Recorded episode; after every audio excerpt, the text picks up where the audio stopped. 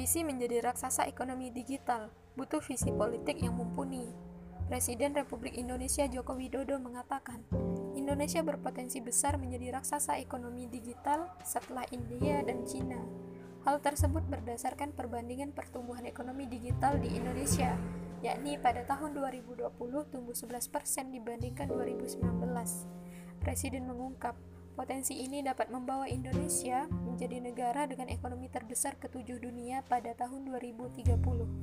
Pemerintah menyebut nilai kontribusinya pada perekonomian mencapai 44 miliar dolar atau sekitar 619 triliun rupiah.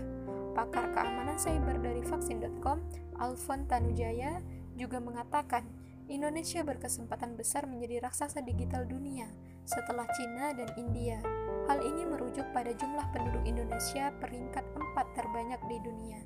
Alfon mengatakan, sangat sulit bersaing dengan penguasa digital yang sudah ada, seperti bidang aplikasi yang terkuasai Amerika Serikat, pun bidang perangkat keras yang terkuasai Cina. Saat ini, Cina bisa mendominasi ekosistem digital dunia bersaing dengan Amerika Serikat. Jikapun Indonesia ngotot bermain di dua bidang itu, kemungkinan besar tidak akan bisa menjadi pemain dominan. Setidaknya ada dua hal penyebab pemerintah sulit memenuhi ambisinya menjadi raksasa ekonomi digital. Pertama, ketiadaan visi politik yang bermakna keseriusan mengurus berbagai infrastruktur pendukung yang menopang keberlangsungan ekonomi digital. Sistem kapitalisme sekuler di negeri ini telah mereduksi peran penguasa sebagai pengurus dan pelayan rakyat menjadi beralih kepada pihak swasta. Kedua, ketiadaan visi politik ini akan menjadikan Indonesia sekedar pasar raksasa bagi para pemodal. Banyaknya penduduk Indonesia adalah pasar potensial bagi para pebisnis dunia.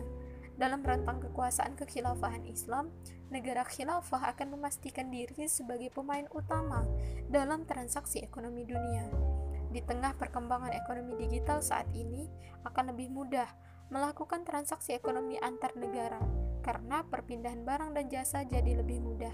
Negara khilafah yang memantaskan diri sebagai negara eksportir tentu akan berperan utama dalam perdagangan digital antar negara bukan hanya menjadi pasar digital bagi pebisnis dunia.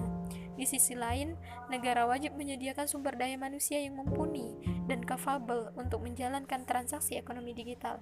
Negara berperan besar mewujudkan human development sesuai prinsip syariat, yakni memastikan hadirnya para pebisnis yang tidak hanya capable dan amanah, tetapi juga rakyat yang bertransaksi berada dalam suasana keimanan.